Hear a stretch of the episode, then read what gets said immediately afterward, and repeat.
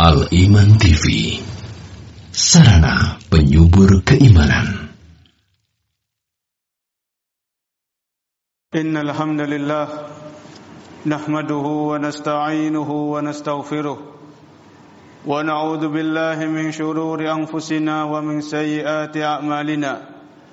من يهده الله فلا مضل له ومن يضلل فلا هادي له.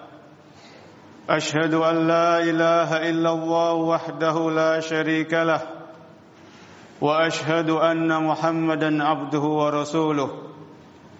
يا أيها الذين آمنوا اتقوا الله حق تقاته ولا تموتن إلا وأنتم مسلمون. يا أيها الناس اتقوا ربكم الذي خلقكم من نفس واحدة وخلق منها زوجها وبث منهما رجالا كثيرا ونساء. واتقوا الله الذي تساءلون به والأرحام. إن الله كان عليكم رقيبا. يا أيها الذين آمنوا اتقوا الله وقولوا قولا سديدا. يصلح لكم أعمالكم ويغفر لكم ذنوبكم. ومن يطع الله ورسوله فقد فاز فوزا عظيما. أما بعد فإن أصدق الحديث كتاب الله وخير الهدى هدى النبي صلى الله عليه وسلم وشر الأمور محدثاتها وكل محدثة بدعة وكل بدعة ضلالة وكل ضلالة في النار. Ma'asyiral muslimin Sidang salat Jumat yang, yang dimulakan Allah Subhanahu wa taala. Usikum nafsi wa iyaya bitaqwallah faqad fazal muttaqun. Marilah kita senantiasa berusaha meningkatkan kualitas ketakwaan kita kepada Allah dengan sebenar-benarnya takwa dengan melaksanakan perintah-perintahnya atas dasar ilmu dan berharap kepada pahalanya dan meninggalkan larangan-larangannya atas dasar ilmu serta takut akan azab dan siksanya sebaik-baik bekal yang kita bawa ketika kita meninggal dunia adalah bekal ketakwaan Ma'asyiral muslimin sidang salat Jumat yang dimuliakan Allah Subhanahu wa taala. Di dalam sebuah hadis yang diriwayatkan oleh Nu'man bin Bashir radhiyallahu anhuma Rasulullah sallallahu alaihi wasallam bersabda, "Ala wa inna fil jasadi mudghatan." Ketahuilah sesungguhnya di dalam di dalam tubuh ada sebuah segumpal daging. Idza salahat salahal jasadu kulluh. Apabila segumpal daging ini baik, maka anggota tubuh yang lainnya akan ikut baik. Wa idza fasadat dan apabila segumpal daging ini buruk, segumpal daging ini rusak, fasadal jasadu kulluh, maka anggota tubuh yang lain akan ikut rusak. Ala wahiyal qalbu, segumpal daging itu adalah hati. Hadis riwayat Bukhari dan Muslim. Di dalam hadis yang lain, Rasulullah sallallahu alaihi wasallam bersabda, "Inna Allah la yanzuru ila suwarikum wala ila amwalikum." Sesungguhnya Allah Subhanahu wa taala tidak melihat kepada bentuk rupa-rupa kalian dan tidak melihat kepada banyaknya harta kalian, walakin yanzuru ila qulubikum wa a'malikum. Akan tetapi Allah Subhanahu wa taala melihat kepada isi hati kalian dan amalan-amalan kalian. Rawahu Muslim. Ma'asyiral muslimin, sidang salat Jumat yang dimuliakan Allah Subhanahu wa taala. Di dalam kedua hadis di atas, Nabi kita Muhammad sallallahu alaihi wasallam beliau menjelaskan kepada kita tentang pentingnya menjaga hati. Karena hati ibaratnya sebuah raja dan anggota tubuh yang lain adalah rakyatnya. Hati adalah seorang raja dan anggota-anggota tubuh yang lain adalah pasukan-pasukannya. Sehingga apabila hati ini baik, maka anggota tubuh yang lainnya akan ikut baik. Masyarul muslimin, sidang salat Jumat yang dimuliakan Allah Subhanahu wa taala. Di antara hal-hal yang perlu kita perhatikan, yang perlu kita lihat, yang perlu kita pantau dari hati kita, bahwasanya hati itu bisa menjadi keras, sebagaimana Allah Subhanahu wa taala berfirman, "Summa qasat qulubukum mim ba'di dzalika fahiya kal au asyaddu qaswah." Summa qasat qulubukum. Kemudian hati-hati kalian menjadi keras mim ba'di dzalika setelah kalian melihat ayat-ayat Allah Subhanahu wa taala. Fahiya kal hijarah. Maka hati-hati kalian seperti batu au asyaddu qaswah atau hati-hati kalian lebih keras dari batu. Surat Al-Baqarah ayat ke-74. Masyarul muslimin, sidang salat Jumat yang dimulakan Allah Subhanahu wa taala. Di dalam ayat yang mulia ini, Allah Subhanahu wa taala mencela orang-orang yang telah mendapatkan petunjuk, orang-orang yang telah mendapatkan keterangan, diturunkannya Al-Qur'an, diturunkannya kitab-kitab Allah kepada mereka, namun mereka tidak bisa mengambil pelajaran. Bahkan hati-hati mereka menjadi keras. Summa qasat qulubukum. Kemudian hati-hati kalian menjadi keras seperti batu. Bahkan bisa jadi hati itu lebih keras dari batu itu sendiri. Masyarul muslimin, sidang salat Jumat yang dimuliakan Allah Subhanahu wa taala. Di dalam ayat ini Allah Subhanahu wa taala menjelaskan bahwasanya hati itu bisa keras seperti batu, hati itu bisa bisa keras seperti batu. Allah tidak mengatakan hati itu keras bisa seperti baja. Allah tidak mengatakan hati itu bisa keras seperti besi karena besi dan baja apabila terkena api besi dan baja ini bisa leleh. Namun apabila hati itu keras seperti batu yang namanya batu kalau dibakar dengan api yang namanya batu ini tidak akan bisa meleleh. Oleh karena itu Allah Subhanahu wa taala menjelaskan di dalam ayat yang lain waquduhan nas wal hijarah bahan bakar api neraka, bahan bakar neraka adalah bebatuan dan manusia. Masyarul muslimin. Sidang salat Jumat yang dimulakan Allah Subhanahu wa taala. Di dalam ayat yang lain, Allah Subhanahu wa taala berfirman, "Fawailul lil qasiyati qulubuhum min dzikrillah." Sungguh celaka hati orang-orang hati yang keras dari orang-orang yang mengingat Allah Subhanahu wa taala. Surat Az-Zumar ayat ke-22. Masyarul muslimin. Sidang salat Jumat yang dimuliakan Allah Subhanahu wa taala. Apabila ada yang bertanya, bagaimana hati itu bisa menjadi keras? Bagaimana hati itu bisa menjadi keras seperti batu atau bahkan lebih keras dari batu? Maka para ulama telah menjelaskan di dalam buku-buku mereka, hati itu bisa menjadi keras yang pertama karena banyak melakukan kemaksiatan, meninggalkan apa-apa yang Allah wajibkan dan melanggar apa-apa yang Allah haramkan. Semakin seseorang banyak bermaksiat, Semakin orang melanggar batasan-batasan Allah, meninggalkan apa-apa yang Allah wajibkan dan melanggar apa-apa yang Allah haramkan, maka hatinya semakin keras.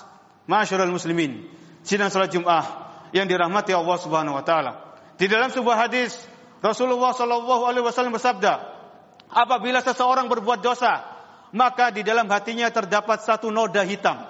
Apabila dia terus berbuat dosa dan tidak beristighfar, tidak bertaubat kepada Allah Subhanahu wa taala, tidak memohon ampun kepada Allah Subhanahu wa taala, maka noda-noda hitam itu akan semakin menutupi hatinya sehingga hatinya akan menjadi keras.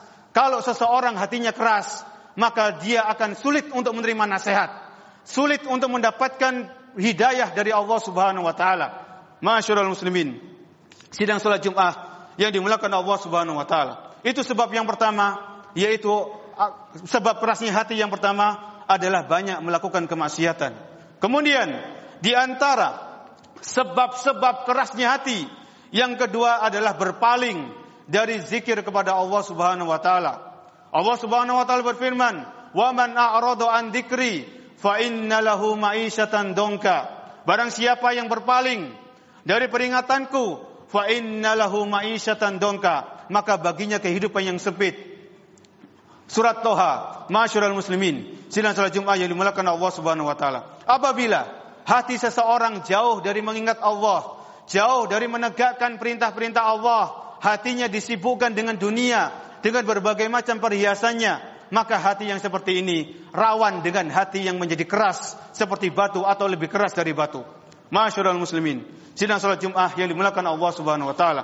Sebab yang kedua adalah jauh dari zikir kepada Allah. Kemudian yang ketiga, di antara sebab-sebab kerasnya hati, yang ketiga adalah jauh dari tuntunan Al-Quran.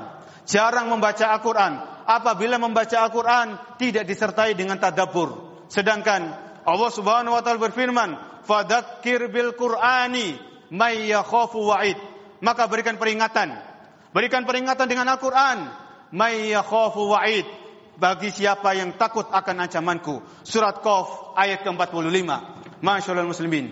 Sidang salat Jumat yang dimulakan Allah Subhanahu wa taala. Bagaimana seseorang bisa mengambil peringatan dari Al-Qur'an apabila dia tidak paham terhadap isi Al-Qur'an?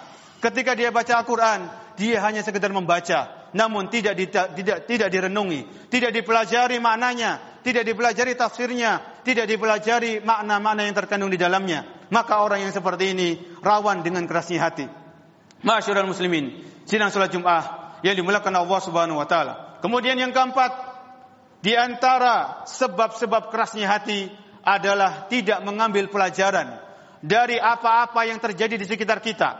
Ketika kita mengunjungi orang sakit, ketika kita mengunjungi kerabat kita yang sedang sakit, ketika kita mengunjungi teman kita yang diuji dengan sakit, maka hendaknya kita mengambil pelajaran.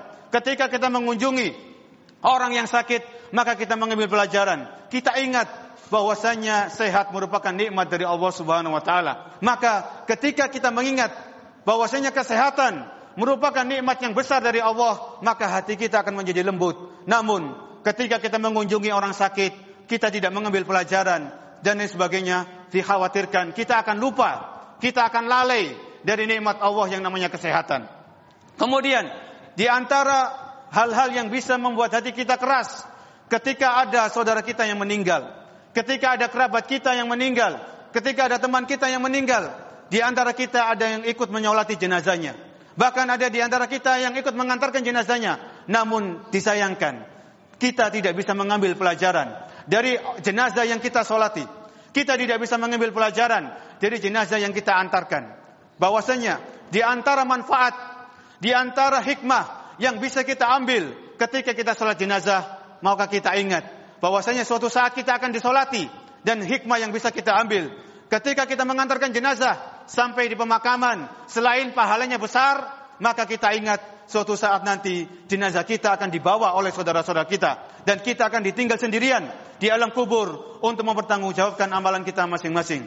Masyaallah muslimin. Sidang salat Jumat yang dimuliakan Allah Subhanahu wa taala. Kemudian sebab yang berikutnya di antara sebab-sebab kerasnya hati adalah melihat ke atas dalam urusan dunia. Namun dalam urusan dunia melihat ke atas. Ketika dalam urusan agama maka dia melihat ke bawah. Ini adalah yang keliru. Di dalam hadis Rasulullah Sallallahu Alaihi Wasallam di dalam sebuah hadis Rasulullah Sallallahu Alaihi Wasallam bersabda, "Ungduru man huwa ila man huwa asfala minkum." Lihatlah kepada orang-orang yang di bawah kalian. Apabila dalam urusan dunia marilah kita melihat kepada orang-orang yang di bawah kalian. Kalau kita mungkin rezekinya sedikit, maka banyak orang-orang lain yang belum bisa mendapatkan makanan kecuali dengan susah payah. Mungkin kita belum punya rumah, banyak orang-orang lain, banyak saudara-saudara kita yang masih tidur di kolong jembatan, banyak saudara-saudara kita yang masih tidur di pinggiran-pinggiran rel kereta api. Banyak saudara-saudara kita yang masih tidur di emperan toko dan sebagainya. Ini dalam masalah urusan dunia, kita melihat ke bawah. Namun, dalam urusan agama, kita melihat ke atas. Kalau kita sudah hafal satu juz, maka banyak orang-orang yang lain yang sudah hafal 30 juz. Kalau kita punya anak, sudah hafal 5 juz, banyak saudara-saudara kita yang anak-anak mereka sudah hafal lebih dari 5 juz dan sebagainya. Ini adalah dalam urusan agama, kita melihat ke atas sehingga tumbuh sifat untuk berlomba-lomba, sifat untuk bersegera dalam kebaikan sehingga kita dimudahkan untuk menghindari dari hati yang keras. Barakallahu li wa lakum fil Qur'anul azim. Iyyakum bima fihi minal ayati wa dzikril hakim. أقول ما تسمعون وأستغفر الله لي ولكم ولسائر المسلمين من كل ذنب فاستغفروه إنه هو الغفور الرحيم. الحمد لله رب العالمين. وبه نستعين على أمور الدنيا والدين.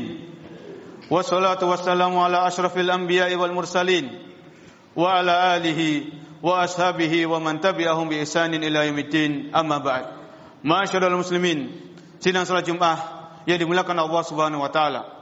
di dalam sebuah kitab yang ditulis oleh Syekh Abdurrahman bin Nasir As-Sa'di, sebuah kitab yang berjudul Minhajul Haq. Beliau Syekh As-Sa'di berkata, "Wa qalbaka tahhirhu min kulli afatin." Maka hatimu bersihkan dari setiap penyakit. wa kun abadan an aibihi yatafaqqadu. Maka hendaklah engkau wahai anak Adam, wahai manusia senantiasa memeriksa hatimu, jangan sampai ada penyakit-penyakitnya. Masyaallah muslimin, sidang salat Jumat yang dimuliakan Allah Subhanahu wa taala. Ketika kita sudah memahami bahwasanya hati itu bisa keras dengan berbagai macam sebab-sebabnya, maka yang namanya penyakit pasti ada obatnya. Apabila kita dilanda, apabila kita ditimpa dengan penyakit kerasnya hati, maka sesungguhnya obatnya telah ada. Yang pertama, di antara obat kerasnya hati adalah berdoa kepada Allah Subhanahu wa taala. Kita memohon kepada Allah Subhanahu wa taala agar kita dikaruniakan hati yang lembut, agar kita dikaruniakan hati yang khusyuk, hati yang takut kepada Allah Subhanahu wa taala. Sebagaimana sebuah doa yang diajarkan oleh Rasul sallallahu alaihi wasallam. Beliau pernah berdoa, Allahumma inni a'udzubika min qalbin la yakhsha. Ya Allah, aku berlindung kepadamu dari hati yang tidak khusyuk. Wa min du'ain la yusma. Ya Allah, aku berlindung kepadamu dari doa yang tidak dikabulkan. Wa min nafsin la tashba. Ya Allah, aku berlindung kepadamu dari hawa dari nafsu yang tidak puas. Wa min ilmin la yanfa. Dan ya Allah aku berlindung kepadamu dari ilmu yang tidak bermanfaat wa min ha wa, wa a'udzubika min haula'il arba. Dan aku berlindung kepadamu ya Allah dari empat-empatnya. Hadis riwayat Abu Dawud dan disahihkan oleh Syekh Albani rahimahullahu taala. Masyaallah muslimin, sidang salat Jumat yang dimulakan Allah Subhanahu wa taala. Kita manusia adalah makhluk yang lemah. Kita tidak bisa apa-apa kecuali atas pertolongan Allah Subhanahu wa taala. Apabila kita ingin hati-hati yang lembut, apabila kita ingin hati yang khusyuk, maka kita minta kepada Allah Subhanahu wa taala. Kita memohon kepada Allah Subhanahu wa taala karena Allah akan mengabulkan doa hamba-hambanya yang jujur kepadanya. Masyaallah muslimin. Sidang salat Jumat yang dimulakan Allah Subhanahu wa taala. Kemudian yang kedua, di antara obat dari hati yang keras apabila kita merasa memiliki hati yang keras, yang kedua adalah membaca Al-Qur'an. Memperbanyak membaca Al-Qur'an disertai tadabbur. Sebagaimana Allah Subhanahu wa taala berfirman, Lau anzalna hadal Qur'an ala jabalin. Seandainya kami menurunkan Al-Quran kepada sebuah gunung. La ra'aitahu khashian mutasaddian. Maka engkau akan mendapatkan gunung itu takut. Gunung itu akan terpecah belah. Min khasyatillah. Karena takut kepada Allah subhanahu wa ta'ala. Surat Al-Hashr ayat ke-20 ayat ke-21. Masyaallah muslimin. Sina salat Jumat yang dimulakan Allah Subhanahu wa taala. Di dalam ayat yang mulia ini Allah menjelaskan, Allah mengabarkan seandainya Allah menurunkan Al-Quran ini kepada sebuah gunung, maka gunung itu akan hancur. Gunung itu akan takut kepada Allah Subhanahu wa taala. Kalau kita baca Al-Quran, kemudian kita tidak kita tidak tadabur, kita tidak merenunginya, maka khawatir hati kita akan keras. Masyaallah muslimin, sinar salat Jumat yang dimulakan Allah Subhanahu wa taala. Hati kita insya Allah tidak sekeras gunung. Maka apabila kita ingin hati yang lembut, sisihkan waktu, luangkan waktu dan harus luangkan waktu untuk belajar Al-Quran. Apabila kita tidak apabila kita tidak bisa bahasa Arab, maka datang datangi majelis-majelis ilmu, datangi majelis-majelis salim yang diajarkan di dalamnya kitabullah, yang diajarkan di dalamnya tafsir Al-Quran sesuai dengan pemahaman para sahabat Nabi Shallallahu Alaihi Wasallam. Masyaallah muslimin, sinar salat Jumat yang dimulakan Allah Subhanahu Wa Taala. Kemudian yang terakhir, di antara obat kerasnya hati adalah kita mengambil pelajaran dari sesuatu, segala sesuatu yang terjadi di sekitar kita. Apabila apabila kita melihat orang tertimpa musibah, apabila kita melihat orang yang diuji oleh Allah Subhanahu wa taala, orang yang diuji oleh Allah dengan musibah, maka kita ambil pelajaran bahwasanya sampai saat ini Allah Subhanahu wa taala masih memberikan kenikmatan yang begitu banyak kepada kita. Kalau kita mem, kalau kita merenungkan, kalau kita senantiasa mengingat-ingat betapa besarnya nikmat yang Allah berikan kepada kita, betapa banyak nikmat yang Allah berikan kepada kita, maka kita akan mengakui bahwasanya kita adalah hamba yang kurang bersyukur kepada Allah Subhanahu wa taala. Karena Allah Subhanahu wa taala berfirman, wa qalilun min ibadiyas syakur. Sesungguhnya sedikit hambaku yang bersyukur kata Allah Subhanahu wa taala. Oleh karena itu, Nabi kita Muhammad sallallahu alaihi wasallam mengajarkan kita berdoa, Allahumma inni Allahumma inni ala dzikrika. Ya Allah, tolonglah aku untuk senantiasa berzikir kepadamu. Wa syukrika. Ya Allah, tolonglah aku untuk senantiasa bersyukur atas nikmat-nikmatmu. Wa husni ibadatik. Dan tolonglah aku ya Allah untuk memperbaiki ibadahku kepadamu. Masyaallah muslimin. Sinar sholat Jumat yang dimulakan Allah Subhanahu wa taala. Terlebih-lebih saat ini kita berada di dalam bulan Dzulqa'dah. Dua bulan ke depan kita saat ini kita berada di dalam bulan-bulan haram. Bulan ini, bulan depan dan bulan depannya lagi bulan Dzulhijjah dan bulan Muharram merupakan bulan-bulan yang istimewa. Merupakan bulan-bulan yang agung bulan-bulan yang dimulakan Allah Subhanahu wa taala. Maka manfaatkan ketika Allah Subhanahu wa taala memberikan kepada kita kesempatan untuk bertemu dengan bulan-bulan haram, bertemu dengan bulan-bulan yang mulia, bertemu dengan bulan-bulan yang istimewa, marilah kita gunakan dengan sebaik-baiknya. Perbanyak ibadah kepada Allah Subhanahu wa taala dan jauhi segala larangan-larangan Allah Subhanahu wa taala. Jauhi segala bentuk perbuatan kezaliman terlebih-lebih di dalam bulan haram ini. Semoga Allah Subhanahu wa taala memberikan kepada kita, menganugerahkan kepada kita hati yang lembut dan semoga Allah Subhanahu wa taala menjauhkan kita dan menghindarkan kita dari hati yang keras, hati yang mati. Nauzubillahi min dzalik. Inna Allah wa malaikatahu yusholluna 'alan nabi. يا أيها الذين آمنوا صلوا عليه وسلموا تسليما. اللهم صل على محمد وعلى آل محمد كما صليت على إبراهيم وعلى آل إبراهيم إنك حميد مجيد. وبارك على محمد وعلى آل محمد كما باركت على إبراهيم وعلى آل إبراهيم إنك حميد مجيد. اللهم اغفر للمسلمين والمسلمات والمؤمنين والمؤمنات الأحياء منهم والأموات. إنك سميع قريب مجيب الدعوات. يا قاضي الحاجات. ربنا ظلمنا أنفسنا وإن لم تغفر لنا وترحمنا لنكونن من الخاسرين. ربنا لا تزغ قلوبنا بعد إذ هديتنا وهب لنا من لدنك رحمة.